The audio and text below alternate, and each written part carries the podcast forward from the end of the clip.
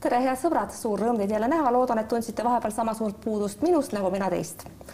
on aasta viimane saade ja me ei räägi poliitikast või kui, siis ainult servast. me räägime hoopis Mart Siilivasega, lugejakirja asutajaga, sest lugejakirja lugejad olete te ju kõik. Mart Siilivas, tere tulemast. tere. oleksin äärepealt kogemata öelnud peatoimetaja, aga ma saan aru, peatoimetajat lugejakirjal vist ei ole. no see on, ma teen neid kõiki ameteid seal, peatoimetaja ja, ja andmesisestaja ja kirjutaja ja kõik, kõik ametid aga impressumit ei ole, siis võiks ju ometi impressumis kõik need ametid kirjas olla, miks ei ole? me ei ole jõudnud kaks tegevusaastat on selja taga ja ma arvan, et lugejakiri võiks või vähemalt sina ise võiksid olla vähemasti kümme korda kuulsam, kui sa oled, sest lugejakirja teavad inimesed nüüd juba väga hästi. aga läheme korraks algusest tagasi, meenutame seda hetke, kui sul tuli mõte seda tegema hakata miks sul säärane mõte üldse tuli ja kui kaua kulus aega sellest eh, mõttest kuni selle teoks saamiseni? no mõte tuli juba aastal kaks tuhat viisteist, siis ma tahtsin tegelikult teha portaali, kus ma lootsin, et inimesed hakkavad kirjutama lugejakirju. et nii nagu nad teevad, noh, Delfis, Postimehes, noh, seal alustati ammu juba. aga siis, kui ma seda lõpuks tegema hakkasin, siis mulle ikkagi see oli kaks tuhat kaheksa, kaks tuhat kaheksateist. et noh, alustasin muidugi varem, et seda vaja arendada ka natuke on ju internetis seda veebilehekülge ehitada. ja siis ma sain aru, et, et, et see ei pruugi üldse tööle minna, et inimesed ei hakka saatma ja siis mul tuligi mõte, et aga hoopis hakkaks ise neid tegema, neid siis uudiseid. ja, ja sealt edasi oli juba lihtne, et veebisait üles ja siis hakkas minema. no aga tänaseks sa ilmselt ei tee seda lehte üksi, lehe maht on päris suur teemasid on väga palju, ma kujutan ette, et sul on mingid kaastöölised tekkinud aja jooksul. jaoks on see, mina võtan seda kui komplimendina, kui inimesed ütlevad, et kuulge, et kuulevad, et ma teen seda praktiliselt üksi. minu jaoks on see kompliment ja ma ei tee päris üksi jah, selles mõttes, et enamik lugusid ma kirjutan ise. Äh, pildid ka otsin ja, ja, ja aga siis mul üks sõber aitab äh, neid pilte teha, kujundada. ja siis loomulikult on mul olemas mingid inimesed, kes, äh, mina neid ei tunne Nad kirjutavad sina mulle. mina neid ei tunne, ma tean nende nimesid. sinu kirjutavad... toimetuse liikmed on sulle tundmatud. Mõned on, mõned on tundmatud. jah, et nad kirjutavad mulle, kas siis saadavad maili või vihjeid, vihjeid tuleb iga päev. et äh, seda on väga tore näha, et inimesed kaasa mõtlevad ja pakuvad ideid välja. Ja mõned saadavad artikleid, äh, mõned neist ma panen üles, alati ma panen ka nime alla sinna. et Olger, ma tervitan sind, kes sa kirjutad mulle vahepeal ja et inimestel on hea huumorisoon ja seda on näha, et, et on neid kirjutajaid on veel kes hästi kirjutavad. nii et põhimõtteliselt sinu autorkond on sulle tundmatu, sa toimetajana otsustad, missugused lood pääsevad eetrisse ja eeldatavasti teed sa siis mõned kehvemad tekstid ka paremaks, enne kui sa nad avaldad. ja noh, et äh, seda on võib-olla palju öelda, et, et need nüüd on palju kirjutajaid, tegelikult on neid üks-kaks. et äh, neid, kes on mõne saatnud, noh, neid on ikka rohkem natuke olnud, aga püsivamaid on üks-kaks, kes saadavad. arusaadav ma saan aru, põhiosa toodad sa endiselt üksi kuidas sa, kuidas sinu, mida sa vajad inspiratsiooniks, kui ma vaatan neid tekste, siis noh, tegelikult mulle tundub, sinu peamine inspiratsiooni allikas on ajakirjandus, on mul õigus? on, et ajakirjandust ma saan hästi palju, et kui ma näen näiteks kuskil portaalides ERR-is, Delfis uudist, mul hakkab pealkirja peale kohe hakkab oma film jooksma, ma ei oska, võib-olla see kõige lihtsam selgitus siis. ja siis ma kirjutangi selle põhjal loo. saan tänavalt, saan inspiratsiooni sotsiaalmeediast, igalt poolt et äh, kust ma, kust ma neid lugusid kirjutama hakkan no ma näen ära, et sul on selles mõttes professionaali käekiri, sinu ajakirjaniku koolitus on seda selgelt näha, kuid tänapäeval õpitakse ajakirjanikuks ju koos suhtekorraldusega mm. -hmm. et äh, millal siis äh, sinu spetsialiseerumine toimus või on niimoodi, et bakalaureusekraad saadaksegi nii-öelda mõlemas ja spetsialiseerumine toimub alles magistris oh.? kumba, kumb sa nagu õigupoolest meil siin oled ma ei mäletagi ausalt öelda enam üli, ülikoolist ma ikkagi rohkem olin suhtekorralduse poole et äh, ajakirjanduse töö tundus mulle toona ähm, liiga keeruline, liiga närvesööv ja siis ma valisin. sa olid selle... selleks liiga laisk ma arvan küll, võib-olla olin liiga laisk. suhtekorraldajal on mugavam elu. ja igal juhul äh, koolipingist äh, ma enne lõputööd tööle läksin ja suhtekorralduse alale no tegelikult oled sa suhtekorraldaja siiamaani, aga sinna me praegu jõuame. võib-olla veel korra suhetest ajakirjandusega. minu meelest on kõik see, mis sa teed seal lugejakirjas ja sinu kaastöölised, keda sa ei tunne, ikkagi peamiselt ajakirjanduse paroodia. kas, kas sinu suhe on ajakirjanduse säärane, et ajakirjanduse tase on nii halb, et see lihtsalt vajab parodeerimist või pigem nii, et see on ikkagi nii palju hea, et see on juba paroodiat väärt? Kumba? oh, see on küll väga keeruline küsimus. Äh, ma arvan, et ma teen seda pigem sellepärast, et, et äh, ma alustasin tegelikult juba seda oma sotsiaalmeedia lehel, noh, Facebooki lehel proovima, et kuidas need sellised libauudised siis mõjuvad. inimesed võtsid hästi vastu selle ja minu jaoks on see lihtsalt selline äh, mõnus, äge väljund, kus ma saan ennast nii-öelda välja elada äh, nende uudiste peal siis ja siis esitada siis oma versioonid nendest ja mulle tundub, et inimestele meeldib aga kuidas on lugu selle usaldusväärsusega? sa ütled, et lugejakiri on kõige usaldusväärsem öö, uudiste allikas. kas ei ole siis? no kahtlemata on, minu jaoks täiesti kindlasti on mm, -hmm. aga noh, mõni võib hakata kahtlema, eks ju mm. -hmm. et sa võib-olla tegelikult äkki mõnitad sina ajakirjanikke või midagi? noh, ma ei, ma ise, ma ise arvan, et ma ei mõnita kedagi seal tegelikult, et ma ei pea kellegi vastu viha, ma ei maksa kellelegi kuidagi kätte seal selles, selles veebisaidis, et et kõik saavad oma jao et äh, ma ei, ma ei selles mõttes ei vali kellegi pooli. no sa oled töötanud selliste suurepäraste humoristide all, alluvuses suhtekorraldajana nagu Villu Reiljan ja Reil Lang mm, -hmm. tõepoolest ajastu suured mehed. mida sa neilt õppisid? oh, mm, ma arvan, et selle huumori mõttes võib-olla mitte midagi aga nendega oli päris naljakas koos töötada küll, et äh, jah. ma ei, ma ei oska küll kohe välja tuua, mida ma neilt õppisin, aga, aga tore oli nende all töötada no tänapäeval tundub, et kohati teevad poliitikud võib-olla isegi paremaid nalju kui lugejakiri või vähemasti samasuguseid äh, hüppeid üle võlli. keda sa praegustest poliitikutest tõstaksid esile juhtivate humoristidena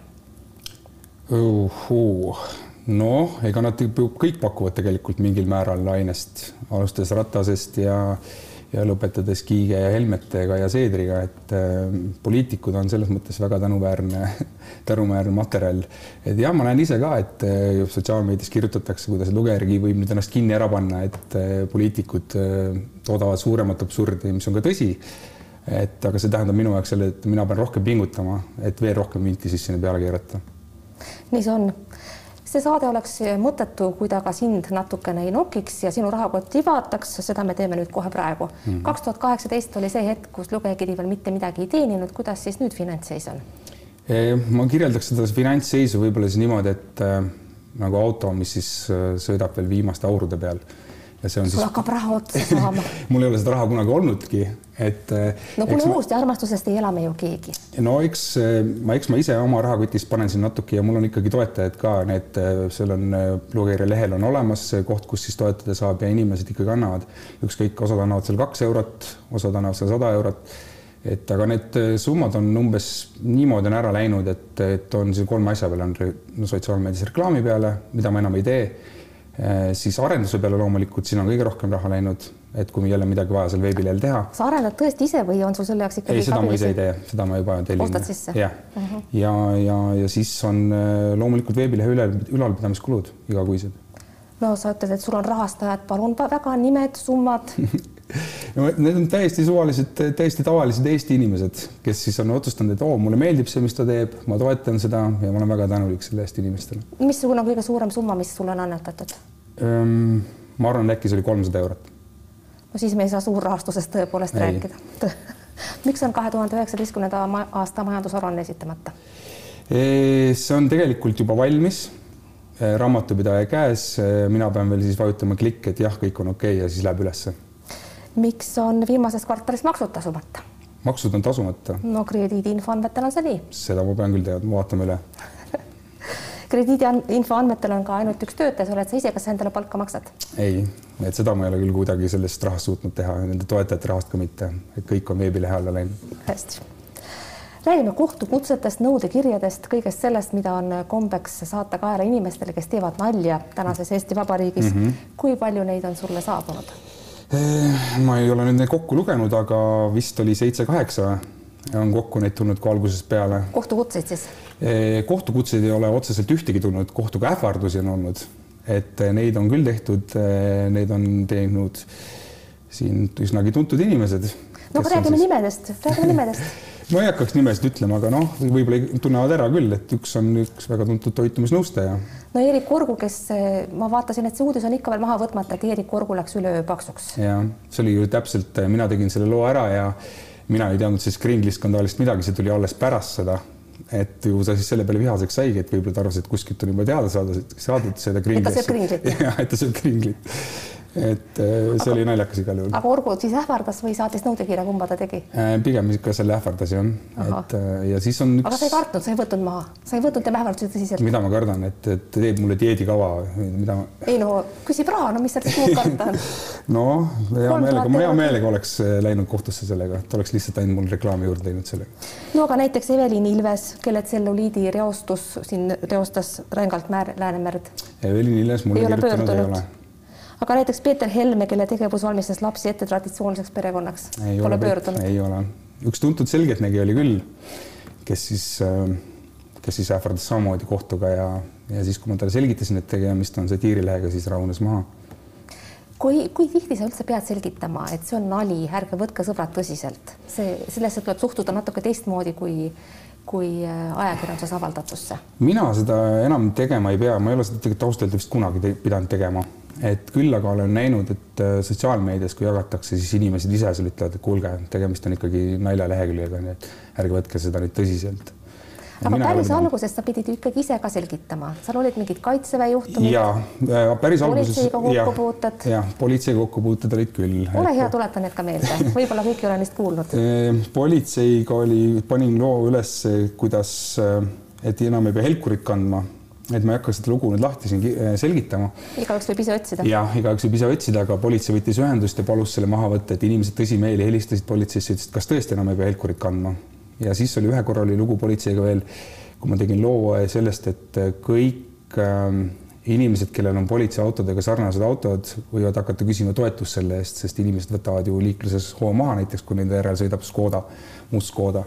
ja siis ma sain aru, et äh, ka hakati politseisse helistama ja toetust küsima et äh, sellised asjad on naljakad aga nõudekirju noh, nagu selliseid, nagu näiteks Robert Sarv saadab inimestele laiali, noh, näiteks siis eesmärgiga nad ära hirmutada, eks ole mm., suu kinni panna, selliseid pole saanud. Robert Sarvelt ei ole, äh, küll aga olen saanud Erialilt, et Erialist äkki oli kuu aega tagasi, siis täpselt just enne nende skandaali ka kus tuli see äh, rahastamisasi tuli välja. just veel enne seda tegin loo, siis nende äh, jurist või, või juht, kes iganes, seesama, kes sellega skandaaliga seotud oli, kirjutas mulle pika ähvarduse, et kui maha ei võta, siis on kohtusse minek. aga võtsid maha? ei võtnud. ja kohtusse pole läinud? ei. aga kuivõrd mõjutab sinu tegevust teadmine, et tegelikult hagetakse Eestis ka huumorisaateid? me tea mm, -hmm. me teame, et sellised näited on olemas mind ei mõjuta absoluutselt selles mõttes, et äh, laske käia kui tahab proovida. no aga sa ei karda, et äkki sa kaotad? ei karda, et kui noh, kui peaks mingil põhjusel kaotama, noh siis tuleb see vastu võtta ja teha mingid korrektuurid. sul on üks lehekülg veel, selle nimi on Skunk. mulle tundub, et äh, see ei ole vist nagu päriselt käima läinud. Need meemid, neid ei ole seal nii palju ja see ei ole ka see, millest räägitakse nii palju kui lugejakirjast. no see, ei, ei muidugi. Äh, selle ma tegin tegelikult rohkem käeharjutuseks enne lugejakirja lihtsalt, et proovida ära, et kuidas see sait töötab ja kuidas need meemid töötavad ja, ja seda ma tõesti edasi ei arenda, jah. see lihtsalt on jäänud niimoodi, nagu ja, ta on jäänud? ma arvan, ma võtan selle üldse varsti maha ära et.... kui palju lugejakiri saab selliseid klassikalisi lugejakirju ilma siis jutumärkide ja suure täheta e,? null küll, aga jah, null ei saadeta mulle ikkagi selliseid klassikalisi lugejakirju, kus kurdetakse mingit muret, kas siis naabri või siis seda sama mehe pärast ja ei, sellist asja ei ole tulnud.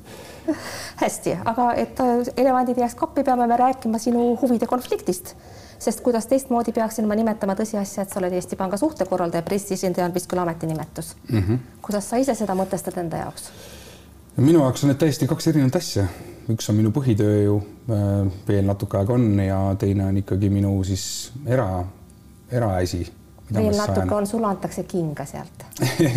Ei, kinga mulle küll ei anta sealt, minu lihtsalt tööleping saab varsti läbi. no miks ta läbi saab siis? sellepärast, et ma olin asendaja aasta aega. Ja jaanuari keskel lõpeb minu tähtajaline tööleping ära. no aga miks sind sinna üldse tööle võeti, aru ma ei saa, kas Madis Müller ei taibanud, et temast võib saada lugejakirja objekt? ei, seda ma ei oska öelda, et eks nad ikka, ma arvan, teadsid neid riske, et kui nad mind palkasid, aga ega ju see kuidagi minu töö, tööd ei ole seganud, minu põhitööd siis pangas aga küll aga on see seganud lugejakirja, sest Madi, Madis Mülleri nimelisi sissekandeid ma sealt ei leidnud. ehk siis tegelikult oled sa lo lojaalne Eesti Pangale ja mitte lugejakirjale, vabandage väga, kuidas seda teisiti võtta? Eesti Pangast olen ma lugusid teinud küll sinna. mõned et... Eesti Pangast on, aga Madis Müller konkreetselt on puutumata. Madis Müllerist ma tõesti lugusid teinud ei ole. kas sa, kas sa lubasid talle kohe alguses, et Madis, kui sa mind tööle võtad, siis ma vähemalt sind ei koti seal lugejakirjas? ei, sellist vestlust ei olnud. aga missugune siis oli? Tavaline tööintervjuu, ma arvan. mingisuguseid lubadusi Eesti Pangale ja Müllerile sa ei andnud? Mm, peale selle, et luban hästi oma tööd teha, jah, mingeid muid lubadusi küll ei andnud. no aga kas siis Eesti Panga presidenti väärigi parodeerimist Madis on inimesena ja juhina väga-väga mõnus tüüp, et, et Madis mõistab väga hästi ka nalja. noh, ja seda enam ma ei saa aru, miks seda, miks teda pole parodeeritud. no võib-olla siis, kui ma töölepingu lõpetan, võib-olla siis no ikkagi järel, järelikult kuni tööleping kestab, seda ei tule. sa ikka arvad, et on kuskil mingi klausel ikkagi olemas töölepingus, et Eesti Panga kohta nalja teha ei tohi? jah, no aga vähemasti seda ei nõutud, et pane lugejakiri kinni, kui meile tööle tuled. ei. arusaadav. aga ajalehtede tellimusraha hoiad sa ilmselt Eesti Pangas kokku, sest ma loodan, Eesti Pangas on ometi kõik lehed tellitud. sa ei pea endale ise väljaandeid tellima? ei pea, no aga ega ma neid maksumüüride taha väga ka ei vaata, sellepärast et mul kui ma ikka mingit uudist loen, siis mul hakkab juba pealkirja peale hakkab see, see film jooksma ja siis ma teen oma loo.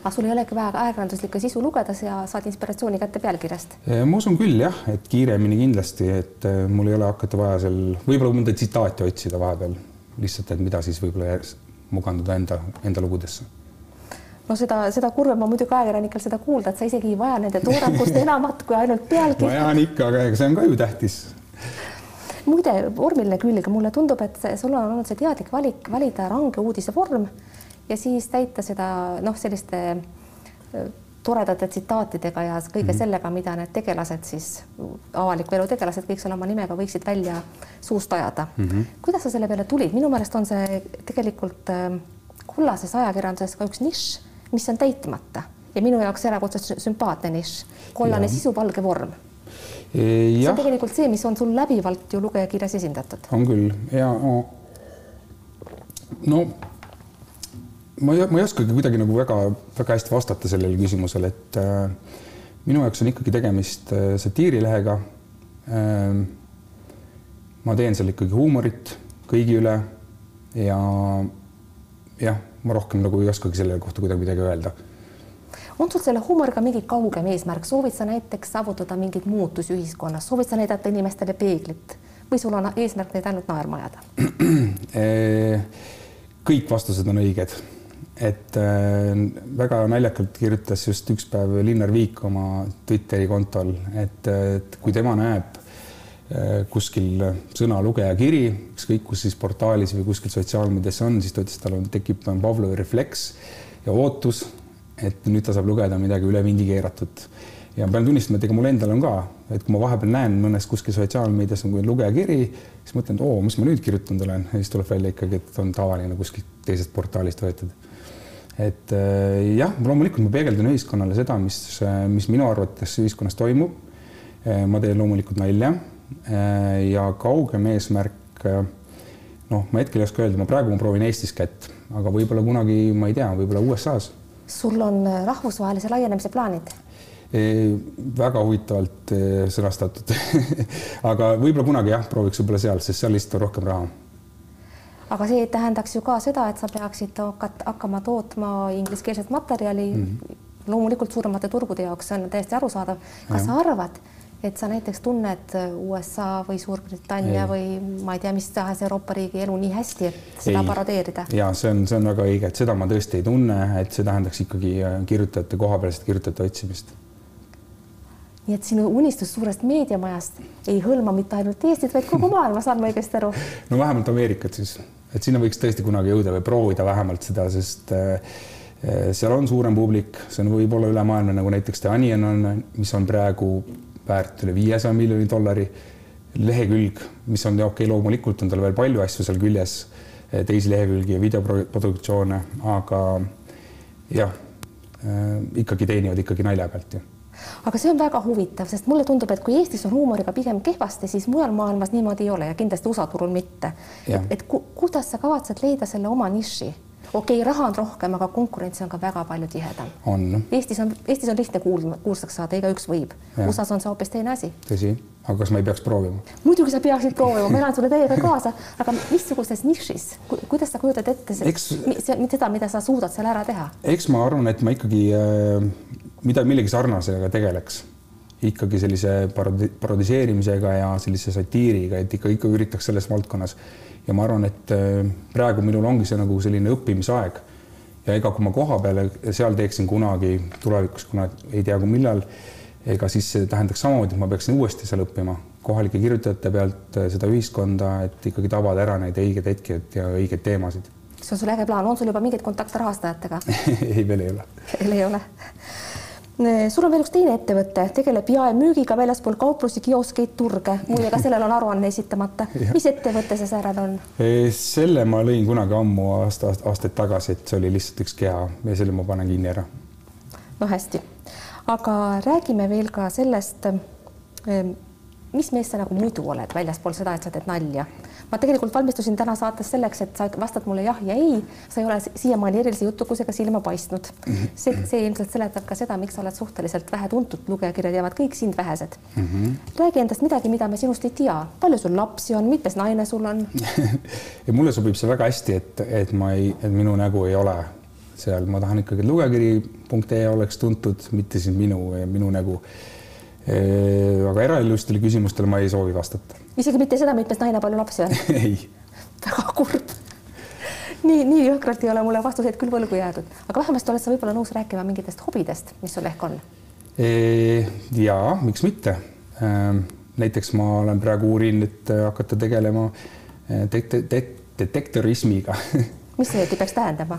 hakata otsima midagi metallidetektoriga selline, selline huvi on praegu mul, et äh, vaatan neid masinaid, mida ostan, kaalun, olen liitunud Facebooki grupiga, uurin, mis seal, mis seal tehakse, mida inimesed leiavad Eesti maa, maapinnast. ah soo, et sa põhimõtteliselt hakkad käima mööda maad ja otsima, ma ei tea, väärisesemeid, kulda. ja aga minu jaoks ma arvan, et ei ole eesmärk isegi millegi otsimine, aga noh, mõnus ju värskes õhus liikumine. väga huvitav, oled sa selleks juba mingisugust varustust soetanud? ei, seda veel kogu aeg uuringi missugused naljad sulle endale meeldivad, milliste naljade peale sa ise naerad oh.? ei, ei saa ju olla niimoodi, et sa istud seal päevad otsa lugejakirjas ja naerad iseenda naljad üle, kindlasti on veel midagi. Ehm, ja ma, minu jaoks ongi vahepeal hästi üllatav selles mõttes, et kui ma teen mõne loo ja ise mulle tundub see naljakas ja siis see ei lenda seal kuidagi siis onju ja siis ma teen eh, enda arvates sellise keskpärase loo ja siis inimesed naeravad, jagavad ja, ja meeldib. et mul on seda hästi keeruline tabada, seda keskmist maitset, aga ma ei, ma olen ka sellest loobunud selles mõttes, et ma kirjutan seda, mis mulle endale meeldib. Äh, ma üritan seda selles mõttes kirjutada laia spektrit, inimestel on huumorisooned erinevad, minu huumorisoon pigem kaldub sinna musta poole. aga musta huumorit on lugejakirjas tegelikult ju vähe. on, pigem vähe, eks ma vaikselt jälle siit-sealt natuke proovin jälle, vaatan, kuidas inimesed vastu võtavad. aga kas, kui, kui puudutada lugejanumbreid, eks ole, kas sul on eesmärk saavutada võimalikult äh, suur publiku hulk või sa kuidagi diferentseerid ka seda, et osa, osa jagamisi on väärtuslikumad kui teised, näiteks sotsiaalmeedias? loomulikult on ju eesmärk ikkagi, et rohkem, rohkem lugejaid oleks, loomulikult, et ma panin nüüd külge ka selle Google'i reklaami asja nüüd, et noh, et kui rohkem külastajaid tähendab ka rohkem äh, tulu mulle. eks seal mingid mõned eurod on tiksunud juba aga kuidas lõpp, ütleme lõputuseks ära ka siis külastajanumbrid näiteks päevased, nädalased? kuus, ma arvan, et see jääb kuskile sinna saja tuhande, saja viiekümne tuhande unikaalse külastaja juurde ühes kuus. nii et circa nad pea kümme protsenti eestlastest loeb kuus siis lugejakiri.ee-d. on see lugejakirja lagi Eestis või on sul veel arenguruumi numbrite oh, mõttes? kõvasti on minna, ma arvan, et ei ole veel midagi lagi siin käes kaks aastat alles alles tehtud seda, et äh, seda on tegelikult vähe arusaadav, Mart Siilivalg, suur tänu stuudiosse tulemast, nüüd tuleb absoluutselt kõige viimane küsimus, sellepärast et meil on aasta viimane saade. Ei saa jätta küsimata, mida sa tulevalt aastalt ootad nii lugejakirja asutajana kui ka inimesena, kes keeldub ütlemast, mitmes naine tal on ja palju tal lapsi on. No ma ootan, et jätkuks sama elu ikkagi, mis oli kaks tuhat kakskümmend. Kodus karantiinis oli küll mõnus olla ja, ja kodukontoris tööd teha, aga, aga seda liikumisvabadust oli vähe. nii see on, me kõik tahaksime kodust välja. Mart Siilivaist suur-suur tänu stuudiosse tulemast, aitäh, head sõbrad, et te vaatasite. Vahetage toredasti aastat, luban teile, näeme järgmisel aastal jälle, olge terved, pidutsege hästi ja turvaliselt kuulmiseni, nägemiseni